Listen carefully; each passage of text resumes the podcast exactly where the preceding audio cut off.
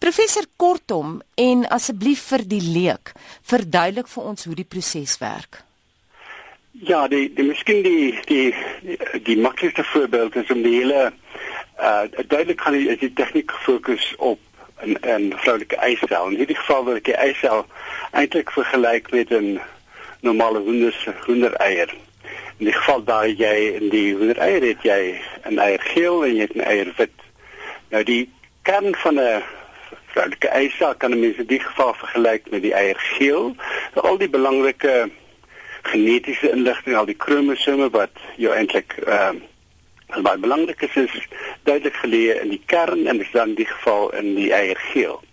Maar mis en en as in byvoeging tot die tot die tot die kern van die sel kom dan in hierdie geval is dit nou weer die die die ehm uh, die vergelyking gebruik sou jy in die eiwit kry jy 'n klompie klein organelles wat ons mitokondria noem en die mitokondria bevat ook 'n baie klein gedeelte van die genetiese inligting. Wat belangrik is vir die sel is 'n baie klein hoeveelheid genetiese inligting. Die lê in die mitokondria. Nou in die geval is as dit nou kom by die om die probleem te verduidelik en die, die mitokondria kan in sekere gevalle mutasies ondergaan en in sekere gevalle gaan jy dan vind dat in sekere individue is 'n klein hoeveelheid van die mitokondria is dan uh, defek en dit kan probleme in genetiese siektes veroorsaak wat gekoppel is aan die defekte mitokondria.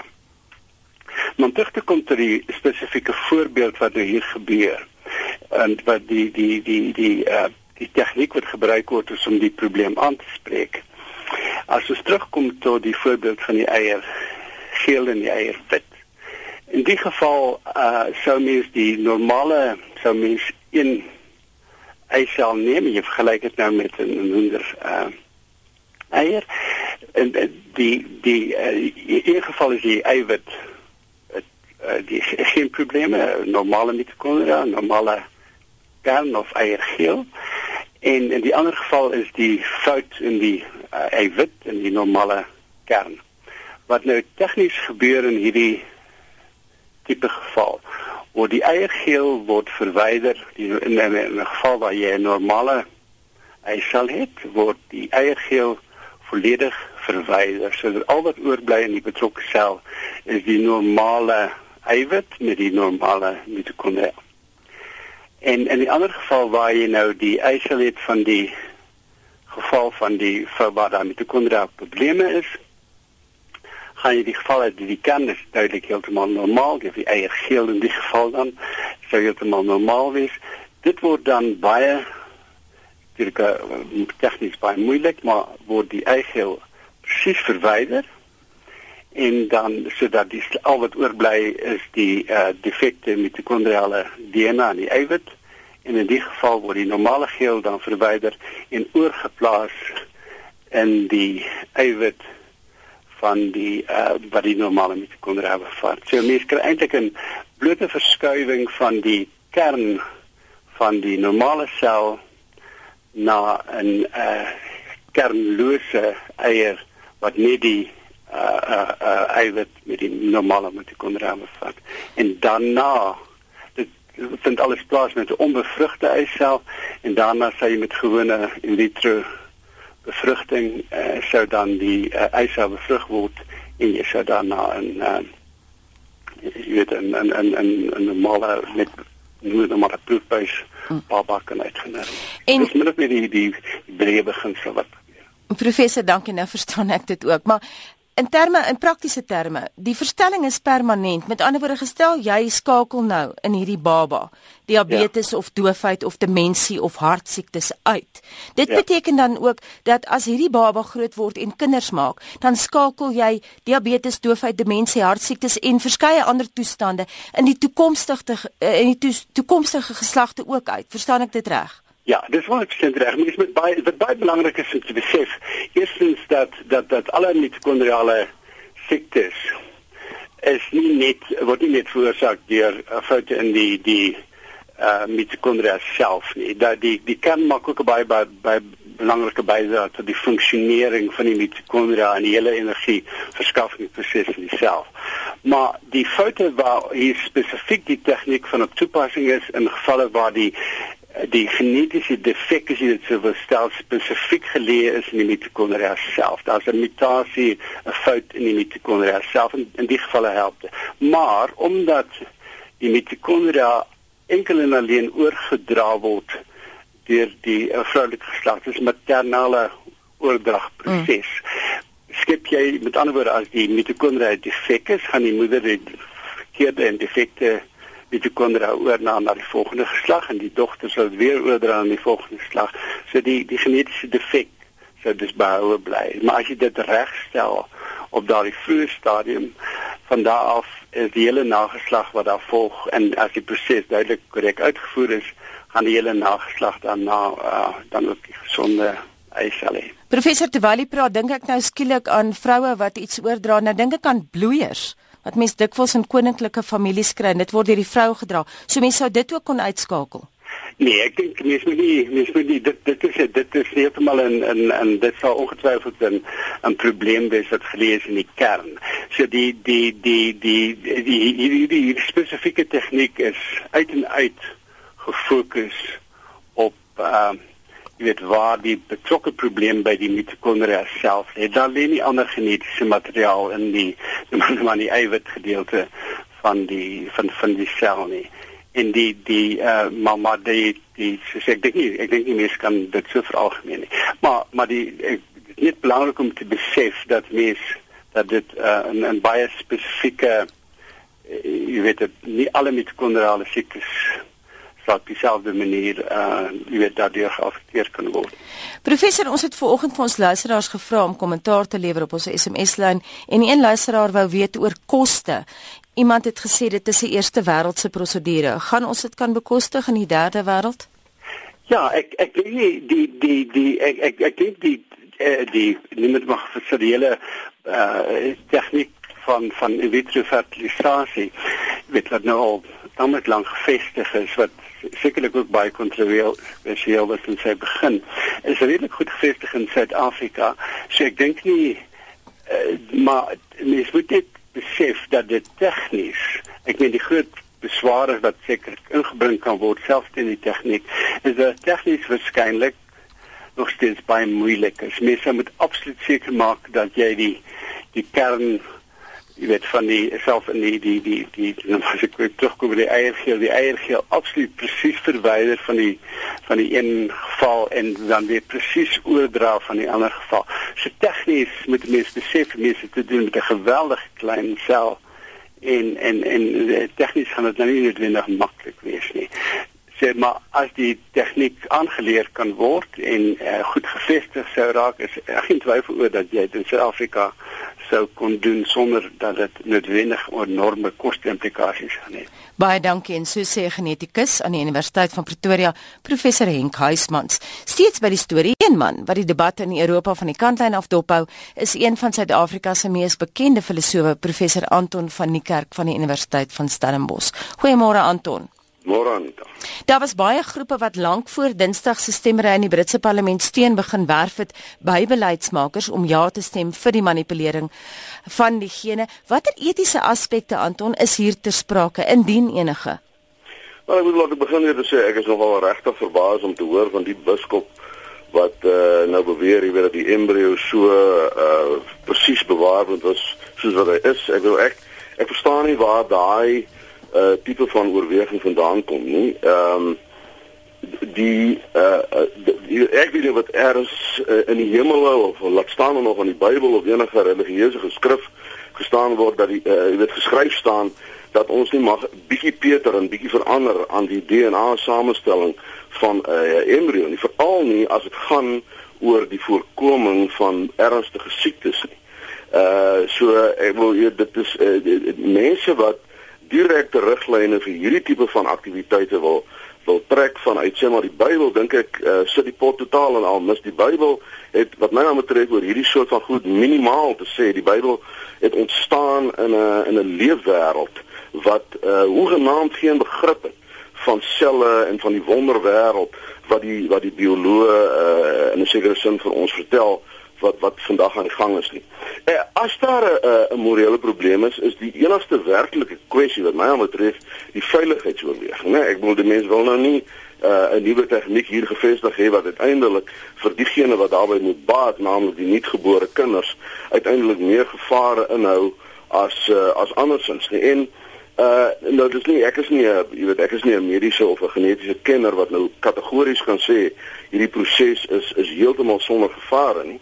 Feit van uh, twee goed moet moet in gedagte gehou word hier wat die wat die wat die wat die ehm um, veiligheidsissue oorweeg. In eerste plek alle sodanige navorsing soos wat hierop plaasvind moet deesdae uitgeklaar word deur 'n behoorlik gekonstitueerde en geakkrediteerde etiekkomitee. Ek het nou 'n bietjie die verslae uh, gelees en dit is baie duidelik dat dit besonder ernstig opgeneem is hier. 'n uh, Verskeidenheid van komitees het hierna gekyk en het uiteindelik die groen lig gegee. Dit beteken nie dit is 'n absolute waarborg nie, maar dit beteken dat die komitees was tevrede dat die dat die risiko vir skade uh, min genoeg is. Tweedens Anita, laat ons daarom nou net ook daarby voeg. Daar is geen absolute waarborg dat alle nuwe mediese prosedures hoegenaamd geen risiko sal inhou nie. Ek wil as as ons daai eis gestel het, dan het die mediese wetenskap regtig nog nog hoegenaamd nie gevorder nie. Ja. Jy sou geen oorgeplante harte gehad het of ander organe nie. Dink maar net aan jou chemoterapie uh protokolle wat wat wat vandag so wyd versprei oor die wêreld is en wat so uiters suksesvol is wat soveel vir mense beteken het. Weet jy watter geweldige risiko's het die eerste pasiënte geloop wat hulle self hulle blootstel het aan chemoterapeutiese protokolle? Dit was uh, enorm groot. So ons kan nie risiko totaal en al uitskakel nie en dit mag seker gebeur dat daar hier en daar iets skeefloop. Maar die etiese beginsel wat vir my met hierdie nuwe tegniek op die spel is, is die beginsel van doen goed as jy enigstens kan en voorkom kwaad of voorkom skade as jy enigstens kan. Dis twee sterk gevestigde etiese beginsels en en dit is baie ek wil die die die siektes uh wat deur die mitokondriese uh DNA oorgedra kan word is ernstige siektes. Dit is veral siektes wat te maak het met die omskakelingsproses uh van voedselinname na energie toe. Uh, uh daar en raak veral siektes rondom die hart en die lewer en selfs die brein en en die tipe van dis verskriklike siektes om aan te ly. En as hierdie tegniek vir ons kan help om daai siektes uit te skakel, dan verstaan ek nie wat die probleem is nie. Jy weet die die hoeveelheid DNA van die derde persoon wat hier bygevoeg word by die ontwikkelende embrio is so iets soos 0.1% van die DNA van die uiteindelike baba wat gebore gaan word. Wat wat werklik waar minuskiel is. Ons is waarskynlik uh uh ek wil jy weet mense wat dink hierdie is nou 'n vreeslike dramatiese verwikkeling moet maar hulle sitplek gordels dink ek vasmaak vir wat in die toekoms op ons wag want ons is dink ek nie bever van 'n situasie van transgenese nie. Baie baie uh, mediese werk nou al met daai moontlikheid. Transgenese beteken dat ons ook 'n situasie dalk binnekort sal bereik waar waar genetiese materiaal of DNA uh van uh, van 'n dier oorgeplant word op 'n mens rond, rond en en uh, baie interessante navorsing is daar ook al opgedoen. So ons moet goed verstaan dat jy weet hier is is dramatiese nuwe verwikkelinge en sommige van daarvan klink snaaks ons is nie gewoond daaraan nie maar uh, maar as dit as die as die beginsel wat jou begelei werklik is dat jy goed doen en dat jy skade of kwaad so ver as moontlik probeer uitskakel sien ek nie heeltemal wat die probleem is. Anton ook interessant niemand verwys meer vandag na Louise Brown nie maar onthou jy die Harry in 78 oor die wêreld se eerste proefbuis baba Presies. Uh dit was 'n dit was 'n geweldige ding. I mean, daar was vrese wat gaan nou hier uitkom? Jy weet, gaan ons ooit hier met 'n normale mens te maak hê? Die hele idee dat dat dat 'n uh uh eisel bevrug kan word buite die liggaam van die moeder. Daar was veral van die geleerders van die Katolieke Kerk en ander godsdienstige groeperinge gesê dit is 'n dit is 'n absolute skending van die integriteit van die voortplantingsproses. En en wat was dit nie 'n groot verrassing toe Louise Brown blyk 'n doodgewone mens soos enige een van die res van ons te wees nie. En na haar was daar duisende soortgelykes wat tot stand gekom het en uh, ek ek ek oordryf nie as ek sê dat ek dink dat die morele kontroversialiteit rondom in vitro bevrugting het vandag min of meer totaal van die van die prentjie verdwyn. Vir my ook interessant as 'n mens kyk wat gebeur met mense wat persoonlik deur mitokondriale sindroom geraak word. As mens kyk na wat hulle sê, wat mense dalk nie weet nie, is dat premier David Cameron ehm um, se baie spesifieke woorde hierdie week in die Britse parlement was en ek haal hom aan. Ons probeer nie God speel nie. Ons wil net vir ouers 'n gesonde kind gee. Maar dit is belangrik in sy geval want sy woordvoerder het uh, op 'n verklaring wat deur Reuters uitgereik is, het hy gesê Cameron het veral empatie met ouers wie se kinders met ernstige siektes gebore word omdat hy self sy 6-jarige seun Ivan in 2009 verloor het weens serebrale gestremdheid. En dan was daar 'n baie sterk verklaring deur die Amerikaanse Reale Stichting. Hulle het die Britte besluit verwelkom en gesê dis wonderlik. Dit help kinders, jy maak gesonde kinders. So, uh, miskien as mens nader aan die onderwerp is en jy het self kinders wat met toestande soos doofheid gebore word, voel mens dalk weer anders. Dit is sonder enige twyfel so. Dit is maklik om suiwer op 'n teoretiese vlak allerhande slimmighede hieroor kwyt te raak en allerhande vliee af te vang oor dit wat kan skeefloop en dat wat kan skeefloop. Maar as 'n mens in die konkrete situasie is waar dit min of meer die enigste moontlikheid is. Hier hier, hier ontstaan nou 'n moontlikheid onthou wat in die verlede hoe genaamd nie bestaan het. Ek wil weer die analogie met chemoterapeutiese behandeling gebruik. Ek bedoel voor net uh, voor dit op die toneel verskyn het, het kankerpasiënte wat aan sekere kankers ly, min of meer voor die voet eenvoudig gesterf. Vandag as jy nou kyk na hoe uh, kinders met met bloedverwante kankers soos leukemie en limfome, hoe hulle deurgetrek word 80-90% van die tyd, dan is dit 'n magnifieke verwikkeling uh, wat wat wat gekom het. En ja, jy's heeltemal reg, as dit na in jou eie lyf is, dan is dit heeltemal 'n ander saak om uh, om sommer net, jy weet, uh, uh, te maklike negatief hieroor te wees. Ons moet natuurlik verantwoordelik wees. Daar is nie so 'n ding soos 'n waardevrye wetenskap nie. Uh die die ek ek is die laaste persoon wat wil beweer die wetenskap maak nooit foute nie. Daar is al verskriklike goed in die geskiedenis aangevang in naam van die wetenskap as jy dan maar net dink aan atoombomme en aan chemiese oorlogvoering en biologiese oorlogvoering en al hierdie verskriklike dinge. So wetenskap moet met verantwoordelikheid beoefen word.